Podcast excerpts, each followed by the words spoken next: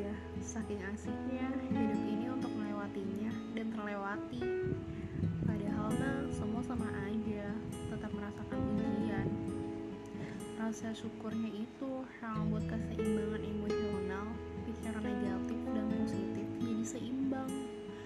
Perasaan tidak peduli, bukan semata dia tidak peduli, tapi dia ingin merasakan ketulusan untuk bisa menikmati hidup ini rasa bahagia saja yang ingin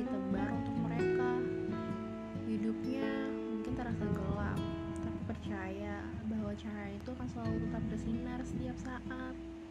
Dia tak mengerti sampai dia merasa hidup bukan hanya dimengerti tetapi harus saling memperingati. Agar hidup terasa saling berarti. Untuk enjoy setiap waktu dan melakukan